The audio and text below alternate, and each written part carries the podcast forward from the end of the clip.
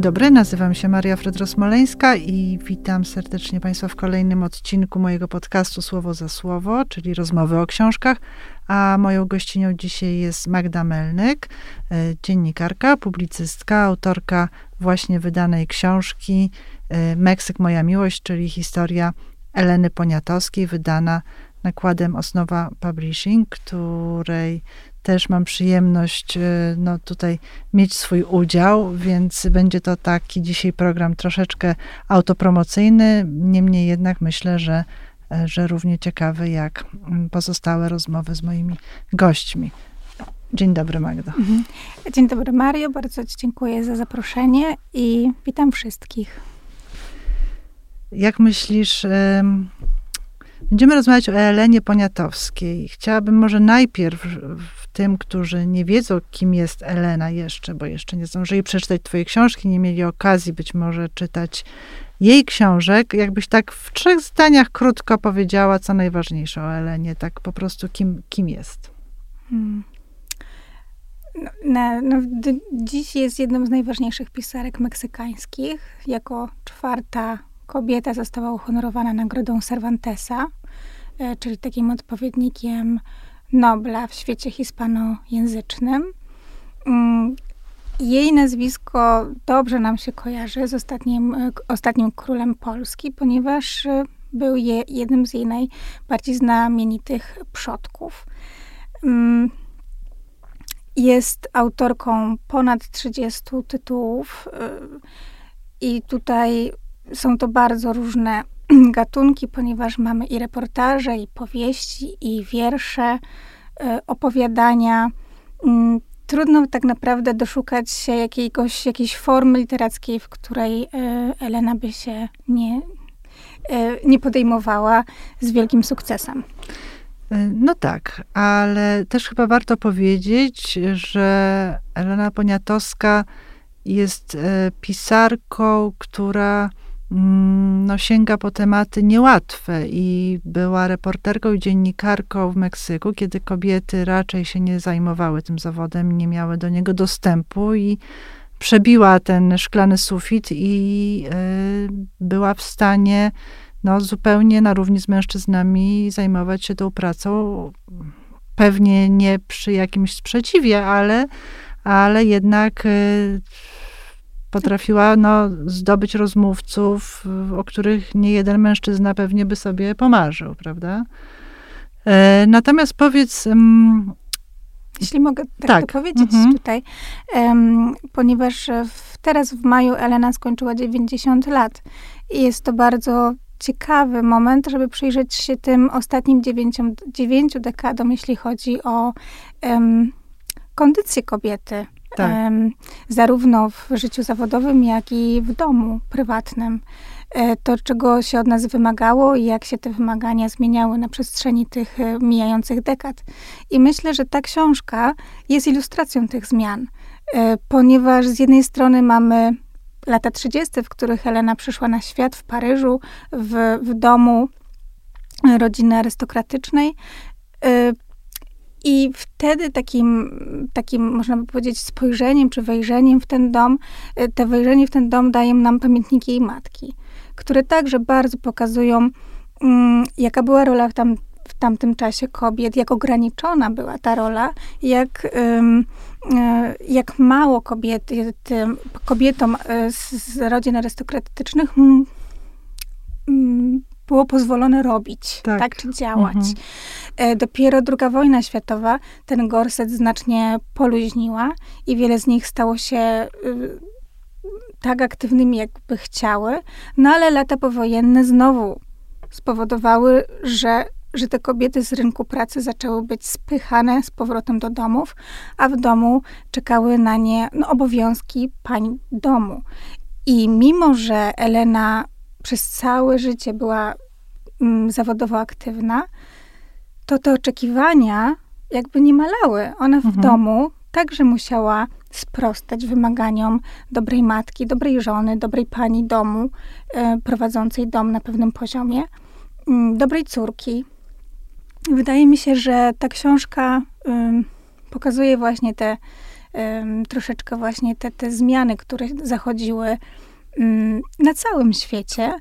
A no, no, tu w tym przypadku akurat Meksyku, tak? 68 rok jest bardzo ciekawym rokiem tak i w Europie, we Francji, jak i w Meksyku dziewczyny zaczynają nosić krótkie mhm. spódniczki, mhm. zaczynają e, nosić bluzki z dekoldem. Jest to pewne takie wyzwolenie ciała, ale także za tym idą e, dalsze postulaty o równouprawnienie kobiet. I, mm, I to, że dziś praktycznie wszystkie meksykańskie dziennikarki, reportażystki, pisarki w jakiś sposób odwołują się do Eleny, mówią, że to ona przetarła im ścieżkę, że to ona była tą, która nie tylko ten szklany sufit próbowała zbić, mhm. ale także ciągnęła inne za rękę za sobą. No zresztą y, o takich kobietach też pisała, prawda? Bo bo bardzo często y, bohaterkami jej powieści czy też reportaży były kobiety, czasem nawet młode dziewczyny, y, więc od, odczuwała to bardzo. I, I, moje pytanie jest, no bo tak jak wspomniałaś, pochodzi z bardzo arystokratycznej rodziny. Z jednej strony tutaj polskie korzenie książęce po Poniatowskim, z drugiej strony jej matka Polet również e, pochodziła z e, dobrze sytuowanej arystokracji meksykańskiej.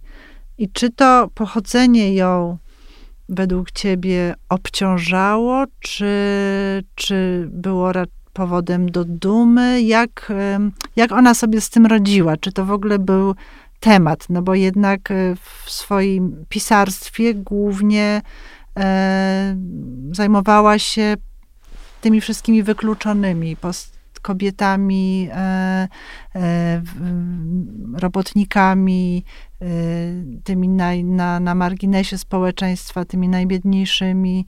E, więc, więc tak jakby mm, próbowała, nie wiem, coś zrekompensować e, swoją, swoją pracą? Spróbuję tak rozłożyć to pytanie mhm. trochę na czynniki pierwsze. Z jednej strony, jak, wpływ, jak wpływał ten dom, w którym, się roz, w którym dorastała na jej rozwój jako osoby. Więc z jednej strony wydaje mi się, że w jej domu, a w szczególności e, w jej paryskim domu, kiedy mieszkała mhm. jeszcze z dziadkami poniatowskimi, bardzo duży nacisk stawiano na ten, na Polskę. I to wszystko, co się z tą Polską wiązało. E, I Elena mm, jej rodzina czuje także, że są, że, że, że, pochodzą z, od tego ostatniego króla. Bardzo ważny jest dla nich dorobek Stanisława Augusta, który bardzo długo był źle odbierany, miał, był źle oceniany przez historyków i przez Polaków. Um, z drugiej strony była dziewczynką, czy później nastolatką, która z racji tego, że urodziła się w takiej, a nie innej rodzinie, mm, to też jej decyzje były bardzo ograniczone mhm. przez, przez sam ten fakt. Chciała studiować medycynę, nie zgodzono się tak, ponieważ stwierdzono, że dobra, raczej panienka z dobrego domu nie może uczyć się o fizjologii, anatomii człowieka, tak? E, chciała chciała pójść na uniwersytet, tak, że no, stawiano jej przeszkody, aby, tego, aby, aby podjęła się takiego kroku. Mm, więc w pewnym sensie jej droga życiowa, oczywiście ona te przeszkody pokonała koniec końców, znalazła swoją ścieżkę, znalazła swoją drogę, aby mieć własny głos, ale nie było łatwo. Mhm. E, z drugiej strony to, o czym mówisz, że mimo bycia z tak arystokratycznej rodziny i poruszania się w pewnej bańce, tej paryskiej bańce, a później meksykańskiej bańce elit tamtych czasów, ona miała po prostu bardzo dużą. Um, zauważała te nierówności, zauważała um, tą dyskryminację, która zaczynała się już w samym domu. E, ponieważ... Od opiekunki, prawda? Tak, Chociażby. E, mhm. Miała przecież e, służbę, miała nianię, która się nim, nią zajmowała i czuła, że mimo tego, że tak bardzo kocha tą kobietę, to, to Magdalena nie jest zapraszana do stołu, kiedy jedli posiłki, tak? Nie, mhm. nie chodzi z, z nią, nie wiem, na bale, prawda? Jej rola w tym domu jest zupełnie inna i... i Przesiaduje z nią na dachu, prawda? I, tak. I, i uczy ją hiszpańskiego, co oczywiście też było dla niej cenne, ale zupełnie tak. inna przestrzeń. Więc, więc myślę, że to jest, to jest, to jest ta sama wrażliwość, która połączyła Poniatowską i dekady później Quarona, który mhm. tworzył Romę. On także czuł, że osoba, którą tak bardzo kocha, um, koniec końców posiada zupełnie inne prawa niż on w domu, ale także na ulicy i w kraju, w którym mieszkają. Poświęciła Magdalenie też książkę, prawda? Więc to też chyba a, chciała w ten sposób jej oddać jakiś hołd, no, tak myślę. E, a jak, e, jak oceniasz, bo przecież jeszcze miała też taki epizod, y, kiedy została wysłana do szkoły z internatem do Stanów Zjednoczonych i tam e, stała się nagle bardzo religijna, nagle Y, uznała, że, że modlitwa, Pan Bóg to jest właściwie jej przeznaczenie. Więc no, te poszukiwania były no, bardzo takie wyboiste, bym powiedziała, zanim doszła do czegoś. No, czy z tym Panem Bogiem się jakoś tam e, dogaduje w tej chwili, jak myślisz? No bo to, to przeszła przez taki długi, e, długą drogę od, od takiej pobożności poprzez potem, no myślę, że wielkie też rozczarowanie.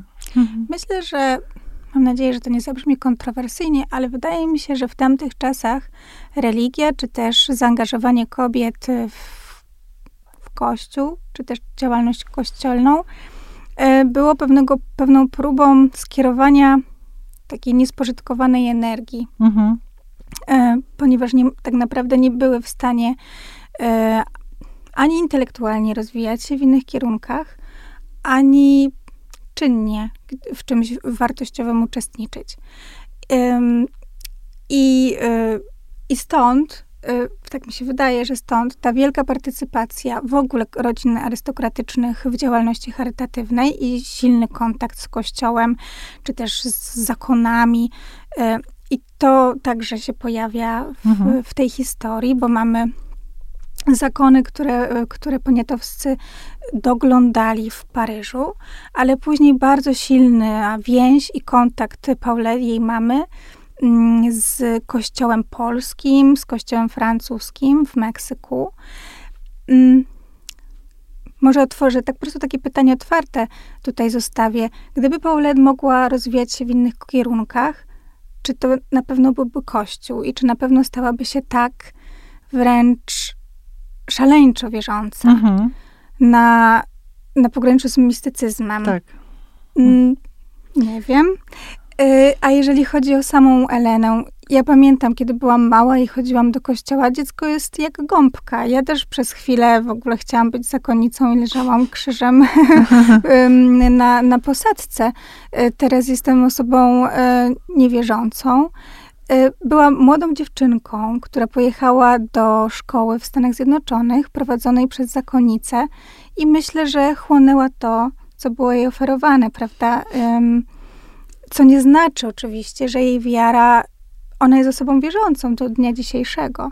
Jednak jest to wiara z, z pewnym ale, tak? Mhm. Tak jak kiedyś mówiła jestem, y, o sobie jestem feministką, ale, tak. to teraz mówi jestem feministką bez ale, ale mówi jestem osobą wierzącą, ale. Myślę, że taka zmiana się u niej dokonała poznałaś Elenę, bo żeby napisać tę książkę, to pojechałaś do Meksyku. Ale może najpierw jeszcze się cofnijmy. Właściwie, kiedy pierwszy raz odkryłaś ją, że, że, że przyszło ci do głowy, że to jest ta postać, o której chcesz pisać? Hmm. Kiedy ją odkryłam, to znaczy... No bo dużo mamy przekładów, prawda, mhm. polskich jej też książek. Czy to stąd się wzięło, czy to... Wydaje mi się, że to jest tak, że kiedy ktoś wchodzi w, w świat hispanojęzyczny, poznając ten język, czy też później, jako, tak jak ja jako badacz, e, bada pewne, pewne procesy społeczne, polityczne w Hiszpanii, Ameryce Łacińskiej, e, to nazwisko Leny Poniatowskiej przychodzi dość szybko w lekturze. Mhm.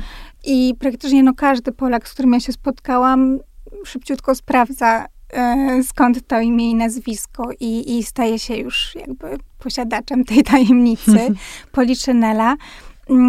To, co natomiast mnie bardzo zaskoczyło po odkryciu, bo to było jakieś odkrycie pewnie na studiach z 20 lat temu e, dokonane przeze mnie, to to, to dlaczego o niej nie wiemy my, dlaczego mhm. w Polsce nie ma jej pełno, bo, bo to nie jest tak, że Elena czy jej dorobek intelektualny jest ograniczony do, mm, do Meksyku. Ona jest bardzo czytana, jeśli tak można powiedzieć, w Stanach Zjednoczonych. E, praktycznie kierunki gender studies szaleją na jej punkcie, wszyscy ją tam mhm. zapraszają i jest bardzo lubianą e, pisarką, intelektualistką. Od dobrych kilku dobrych lat, myślę, że już nawet dwóch dekad, bo po prostu czas szybko leci. E, Hiszpania także ją odkryła późno, późno, mhm. dlatego mm, ta powieść do sępów e, pójdę w naszej jakby wyobraźni nie zalicza się do boomu latynoamerykańskiego, choć powinna, prawda? I, I, jej nazwisko także powinno być na tej liście. Czy powinniśmy ją czytać wtedy, kiedy czytaliśmy Marqueza? Tak, tak. Fuentesa, tak. tak, Cortazara. Natomiast to także jest znak pewnej epoki. Bo gdybyśmy zastanowili się nad jednym żeńskim nazwiskiem w tym towarzystwie, to mielibyśmy bardzo duży problem. No właśnie, przypominam sobie tę serię, która wychodziła iberoamerykańska i rzeczywiście kobiety tam nie było. Y, to znaczy, pojawiła się tam Poniatowska nawet mhm. dwa razy, ale mm, y, mm, mogę powiedzieć tak, po prostu były to czasy, które promowały mężczyzn i kobiety pozostały w drugim, a nawet trzecim szeregu mhm. E, tych odkryć literackich. Tak. E, zupełnie jakby tutaj u nas zmarginalizowana i pominięta. Mm, I cóż, i chciałam to naprawić. to był główny mój cel e, napisania tej książki, czyli sprawienia, aby Polacy po prostu się o niej dowiedzieli. No i postanowiłaś e, pojechać. I jak, jak to wyglądało tak e, od kulis? E, jak ci się udało ją przekonać do tego, żeby z nią porozmawiać i żeby cię tam przyjęła? I, mhm. Bo jak wiemy, no dzisiaj no już jest starszą panią, ale też no, chronią ją synowie, zwłaszcza jeden, który się zajmuje jej fundacją, więc też na pewno jakieś tam e, pozwolenia musiałaś zdobyć. Mhm.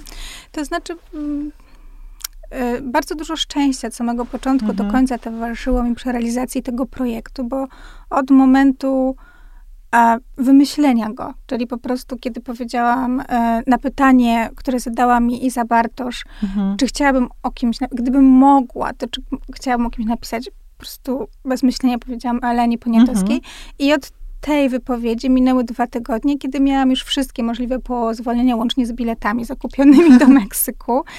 E, był to łód szczęścia, ponieważ e, ówczesny ambasador Meksyku był zaprzyjaźniony z Poniatowską. Mhm. Miał do niej taki osobisty, po prostu miał z nią osobisty kontakt. Jednakże kiedy już się Elenę pozna, to okazuje się, że mm, to nie jest przypadek, że po prostu ktoś ma z nią bezpośredni kontakt. Ona ma po prostu bezpośredni kontakt z bardzo, bardzo dużą ilością -hmm. ludzi. Jest osobą bardzo otwartą, e, nie tworzącą żadnych barier e, progów, które trzeba było pokonać. E, to, że ja akurat w tę niedzielę byłam z nią umówiona na godzinę, ona wiedziała, że przyjadę na dłużej, że będziemy razem musiały dopasować swoje kalendarze. Ja będę u niej przebywała w ciągu dnia przez następne tygodnie. No to rzeczywiście już było ustalone wcześniej. Ale kiedy w tym e, domu sobie byłam, e, to zauważyłam, że jest bardzo dużo dziennikarzy, którzy po prostu dzwonią do furtki wręcz i ona zawsze każdemu otworzy, zawsze z każdym porozmawia, nawet jeśli to miałoby znaczyć 10 czy 15 minut wywiadu czy, czy, czy rozmowy, to ona zawsze wyraża na nią zgodę. Mm, I to się bardzo czuje, ten brak rezerwy, tą otwartość na drugiego człowieka. Także jeśli chodzi o sposób, w jaki ona żyje, mieszka. Meksyk się zmienia. Y, ona powtarza, że zawsze był niebezpieczny, ale prawdą jest, że no, staje się coraz bardziej niebezpieczny. I to widać także w sposobie, w jakim ludzie mieszkają, tak? Mury, które okalają ich posiadłości są coraz wyższe. Mm, żeby się do nich dostać, no, trzeba się naprawdę natrudzić. Natomiast ona świadomie zdecydowała się nie w ogóle nie podążać tą drogą. Ona ma nadal starą furteczkę, którą naprawdę można by było mocniej kopnąć, żeby wejść do środka. E, dom, który jest bardzo otwarty. Mm, no cóż, no, płaci także za to cenę, bo, bo, bo niejednokrotnie po prostu dochodzi do włamań e, i, i, i złodzieje tak naprawdę mm, nie mają do końca co wynosić, no tak? Właśnie. Tomy I, książek. Tak, i to, co zawsze mówi, jak kiedy już, na przykład w ostatni, ostatnim roku, chyba tak było w, zeszły, e, w listopadzie, kiedy powiedziała, to, co mnie najbardziej smuci, to to, że nie zginęła żadna książka. że nikt nie był zainteresowany, żeby ukraść jej dzieła. No tak. Ale to nie tylko jej dzieła, bo ona ma książ, ona ma ściany pokryte półkami z książkami. Więc tam tak naprawdę już nie ma wolnego miejsca, już na jakąkolwiek półkę. więc, jej, więc jej biblioteka jest bardzo, bardzo bogata. Stara się uporządkować ją alfabetycznie. Mm. No a jak y, jeździłaś z nią tam, no to widziałaś też oczywiście te spotkania czy rzeczywiście ona jest tak traktowana w tej chwili jako takie dobro narodowe, bo e, to też nie jest łatwa rola, którą ona na siebie wzięła, jednak musiała e, też się na to zdecydować, żeby no, ta otwartość nie tylko płacić za nią kradzieżami, ale również no, takim no, wchodzeniem sobie na głowę. No, właściwie, jeżeli każdy ma do niej dostęp, no to też ona musi być potwornie zmęczona. Ona, no, e, też sobie tak nie wyobrażam. Mm, no, może to też jest jej paliwo do życia, ale no, to nie jest łatwe, łatwe tak funkcjonować na co dzień.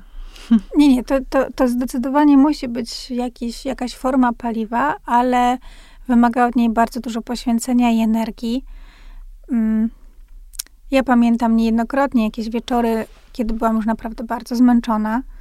E, byłyśmy razem na otwarciu fundacji, bo, bo ta fundacja przez chwilę przeżywała problemy finansowe, a, a moja wizyta w Meksyku właśnie zbiegła się z ponownym otwarciem um, tego miejsca i z takim, takim spotkaniem um, literackim. I pamiętam, że ja już byłam wykończona i tylko tak patrzyłam, kiedy ona się będzie zbierała, no bo my zawsze wracałyśmy razem do domu. E, a ona, mimo tego zmęczenia, cały czas się uśmiechała, podpisywała książki, rozmawiała z ludźmi. Mimo wieku, tak? No tak. Zaawansowanego wieku, w którym e, jest. Ale wydaje mi się, że, że to jest coś takiego w tych rodzinach arystokratycznych, które które uczą swoje dzieci, a przynajmniej ona taką edukację odebrała w latach 30., że najważniejszy jest obowiązek, mhm. hard ducha, chowanie emocji gdzieś tam dalej w sobie. Um, takie na, pe- na pewno ja sobie nie wyobrażam, żeby ona się tak tak się klapsła na kanapie. Mm-hmm. W życiu. Nie wyobrażam sobie takiej sytuacji. E, jest osobą, która zawsze... Włożyła tam, dres i się położyła, tak? Tak, raczej w dresie ona chodzi, ale nadal w tym dresie to ona się zachowuje jak wręcz w sukni balowej, prawda? Więc... Um, więc ona oczywiście ma wygodne kanapy, ale nawet na nich siedzi bardzo dystyngowanie, czytając. Czy, Aż się wyprostowałam od razu. Naprawdę tak jest. Więc, y, więc tak, mam wrażenie, że to jest jakaś taka edukacja z tamtego czasu, y, której no, już chyba nie ma, albo, albo już, tak, już odchodzi gdzieś do przeszło, do, do historii.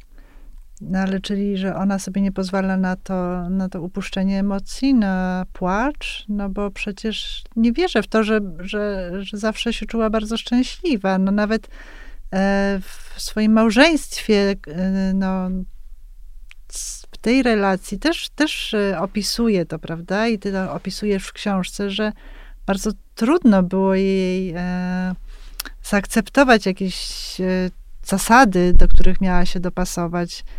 E, no, tragedie rodzinne, które też po drodze ją spotykały.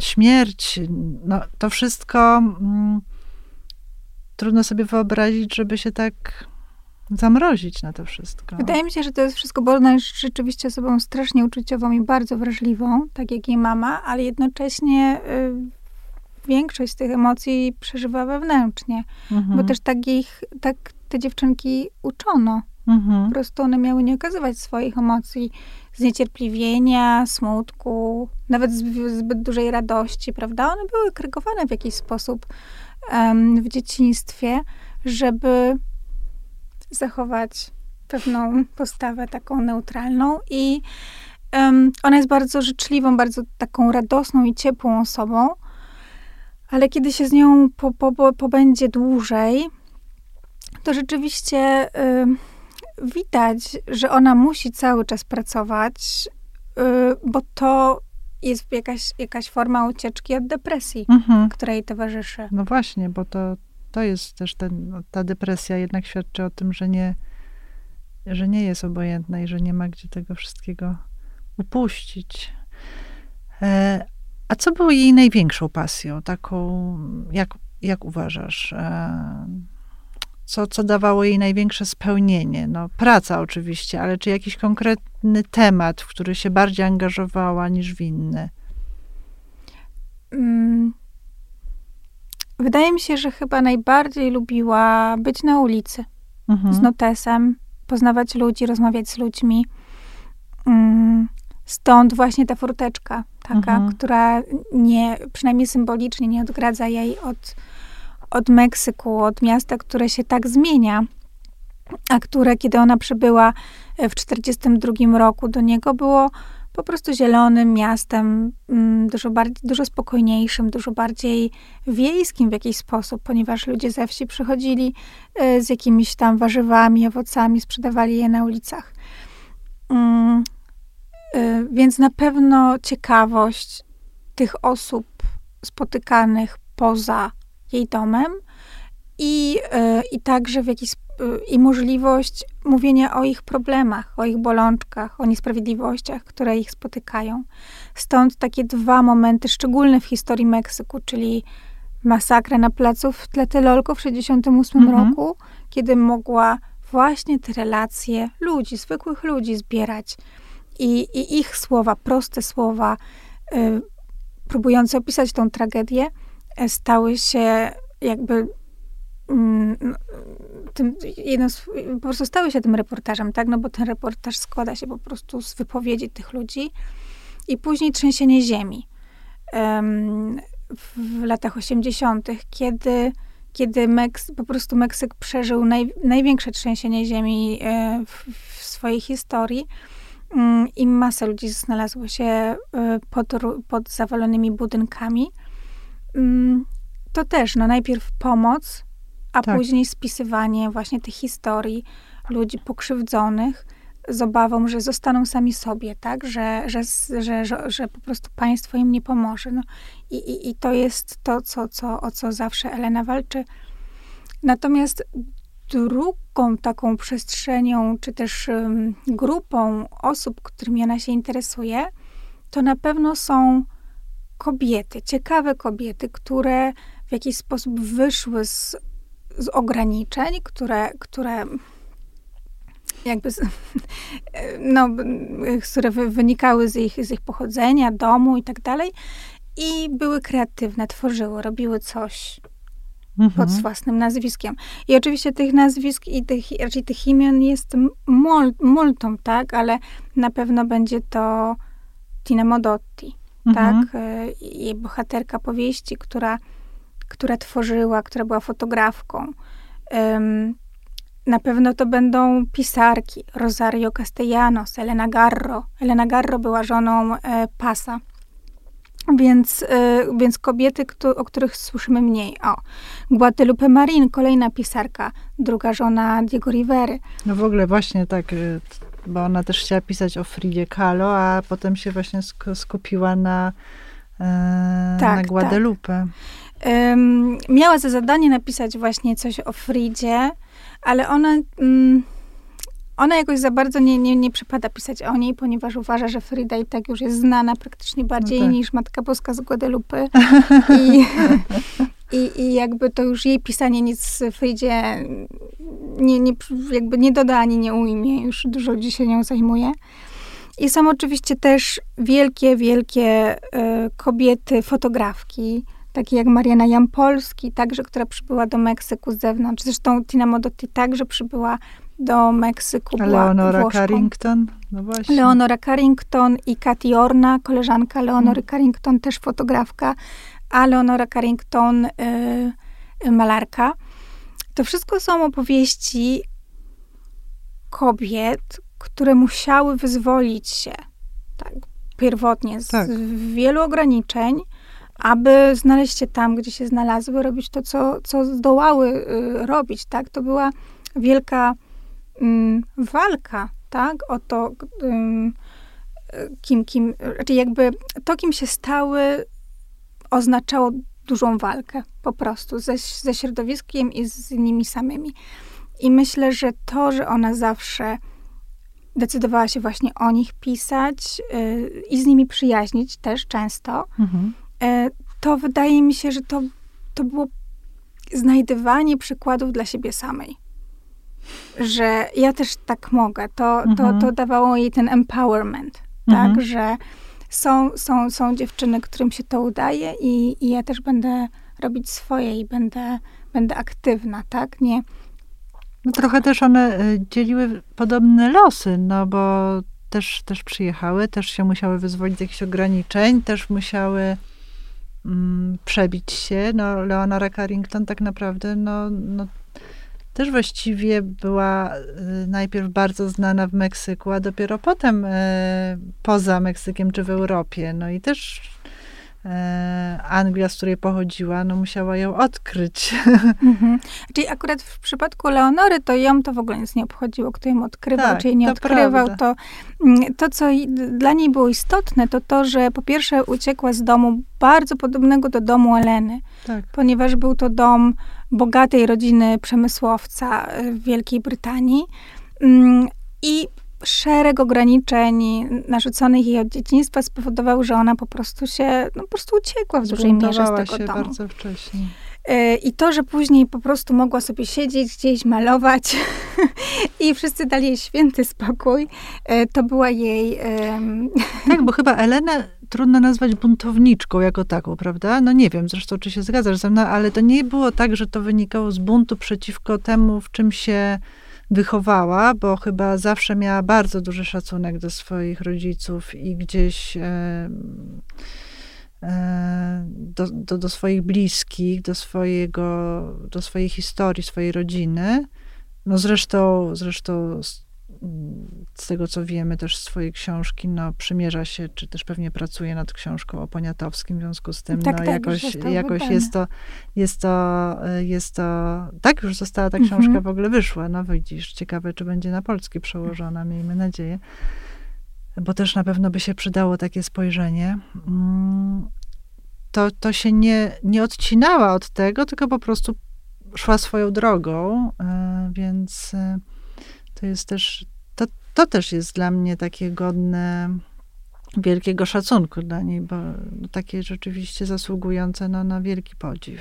Ale zastanawiam się właśnie, bo, bo się wydaje, że to zerwanie, czy też niezerwanie, to jest też kwestia tego, jak bardzo elastyczna jest ta rodzina, z której się pochodzi.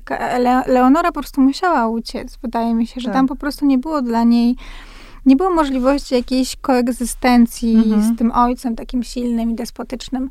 A tutaj poniatowscy, mimo pr dużych problemów, ale jakoś sobie no, wypracowali po prostu to, to bycie dalej razem, tak? Bo zwróćmy uwagę na to, że Elena od samego początku e, bardzo zaangażowała się w ruchy lewicowe, nie szczędziła dobrych słów e, osobom, które były, no, które, no nie wiem, nie szczędziła dobrych słów Fidelowi Castro z, z, wraz no, z początkiem tak. tej rewolucji kubańskiej.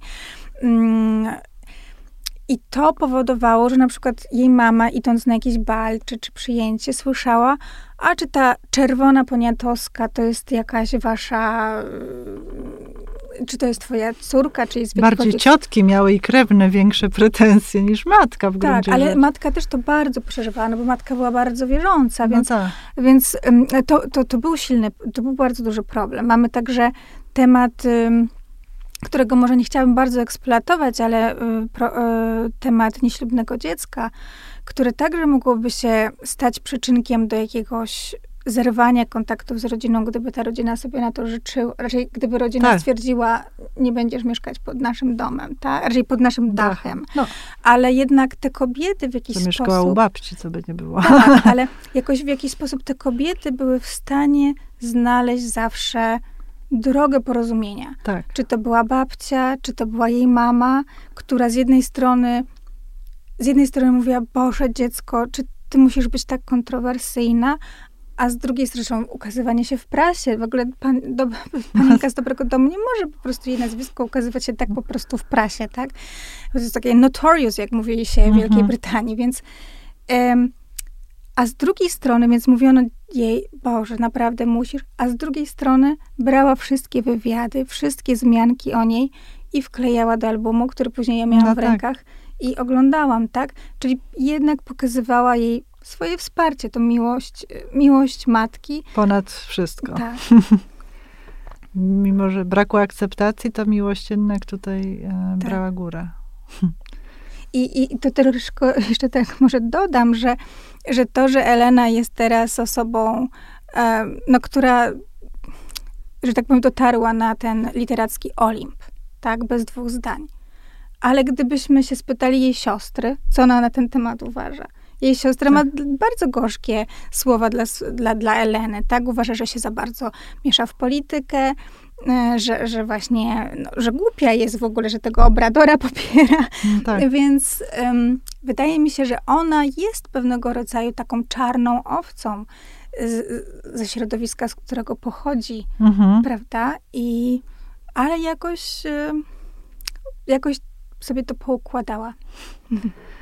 No tak, bo siostra była właśnie zawsze ta, która kochała bale, kochała to życie, kochała być żoną, chociaż też różnie jej się te losy poukładały. Ale... Kochała być żoną tak bardzo, że była nią trzykrotnie. Tak. tak, była nią trzykrotnie i się świetnie w tej roli odnajdywała i nie miała innych um, potrzeb. No, tak, to też, no... Więc wydaje mi się, że to jest jakaś taka elastyczność tej rodziny do, mhm. do akceptowania po prostu y, pewnych procesów, siebie nawzajem, tak, y, tak aby mimo tych różnic, czasami różnic, których nie da się zasypać, y, być razem. Mhm. A którą jej książkę najbardziej lubisz? Czy w ogóle możesz tak powiedzieć? Czy jakoś, która na tobie zrobiła największe wrażenie? To jest, e, e, to znaczy, wydaje mi się, że książką fundamentalną to, to jest ten reportaż z masakry mhm. Tlatelolko.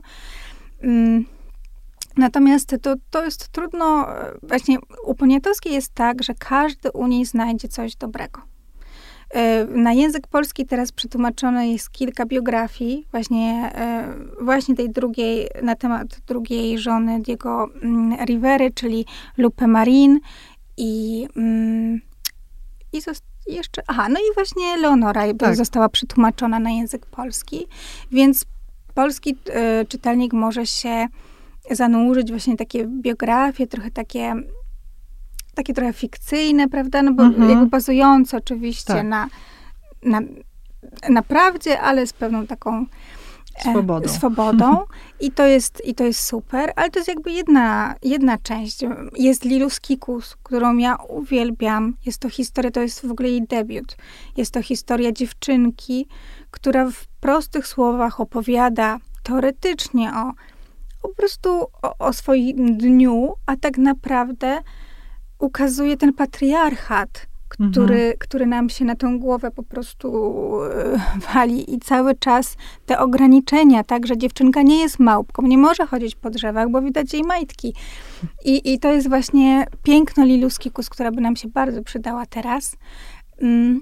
W ogóle taka Elena by nam się bardzo przydała, myślę, bo e, oczywiście mamy wiele wspaniałych kobiet w Polsce i wiele wspaniałych aktywistek i działaczek. Natomiast teraz tak sobie myślę, że gdzie Elena dzisiaj by była, jakby tu mieszkała? No, Myślę, że, że już by pisała wyśmienity e, reportaż o wojnie w Ukrainie, podejrzewam, i o tym, o tych ludziach, którzy tutaj się znaleźli, e, albo też o granicy z Białorusią, że, że sobie wyobrażam, że, mm, no, że, że, że byłaby na tym miejscu y, mm, gdzie trzeba, gdzie według nas trzeba, żeby była. Tak, zresztą mm, możemy nawet pokusić się o prze, przykład książek, które napisała w przeszłości, a które są dla nas bardzo aktualne, jak reportaż o aborcji, tak. który napisała w 99 roku. I, I ta dziewczynka, która stała się jej bohaterką, Paulina, y, praktycznie przeżywała ten koszmar y, no, tego, że po prostu nie, nie zgodzono się, w końcu nie wykonano za, zabiegu aborcyjnego, e, w, praktycznie w tym samym czasie co Alicja Tysiąc. Tak. I mniej więcej w tym samym czasie one później uznały, raczej sądy międzynarodowe uznały, że należą, należą im się odszkodowania za właśnie nieprzeprowadzenie tych e, zabiegów e, aborcyjnych.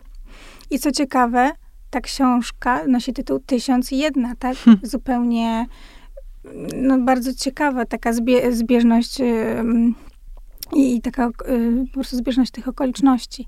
Więc... To może się podejmiesz. Leczenie, może tak. Ale, y, a, ale to, co jest też ciekawe, jeśli chodzi o, o nią, to na przykład ten reportaż został napisany przez nią dlatego, że wy, wymusiła to na nią, no to jest mocne słowo, poprosiła ją o, o ten reportaż Marta Lamas taka bardzo ciekawa postać e, ruchu feministycznego, która jednocześnie tą walkę o równouprawnienie tra e, traktuje bardzo politycznie. E, I, I wiedziała, że nazwisko Poniatowskiej mhm. spowoduje, że wiele osób sięgnie po ten reportaż i, i zrozumie, um, no, że to, to nie jest tak łatwe jak pro-choice mhm. czy pro-life, y, tylko, tylko ten, ten, ten temat jest dużo bardziej złożony. Mm. Tak, no czyli, czyli e, na koniec co mogę powiedzieć, że, że przede wszystkim warto sięgnąć po twoją książkę, gdzie e, bardzo takiej skondensowanej formie, bo od razu mówię, że to nie jest bardzo gruba książka, więc nie trzeba jej odkładać na później, tylko można ją po prostu wziąć i przeczytać w dwa wieczory, e, dowiedzieć się bardzo wiele, sięgnąć, wypisać sobie książki, które warto przeczytać, zastanowić się jednocześnie nad tymi różnicami, co dzisiaj, tutaj, co tam i, i, i wyciągnąć swoje wnioski. No i obyśmy e, rzeczywiście zaczęli się rozkoszować taką Eleną Poniatowską, tak jak to, to, to, co jest celem tej książki i wyjściowym było twoim, żeby napisać o niej.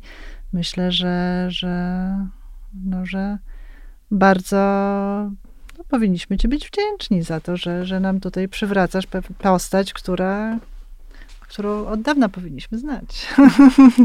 No, mam taką nadzieję, że że będzie teraz e, no, dużo bardziej znana w Polsce. Bardzo Ci dziękuję za tę rozmowę i dziękuję Państwu za uwagę i polecamy książkę Meksyk, moja miłość, historia Eleny Poniatowskiej. Moją gościnią była autorka książki Magda Melnyk. Dziękuję Dzięki. bardzo.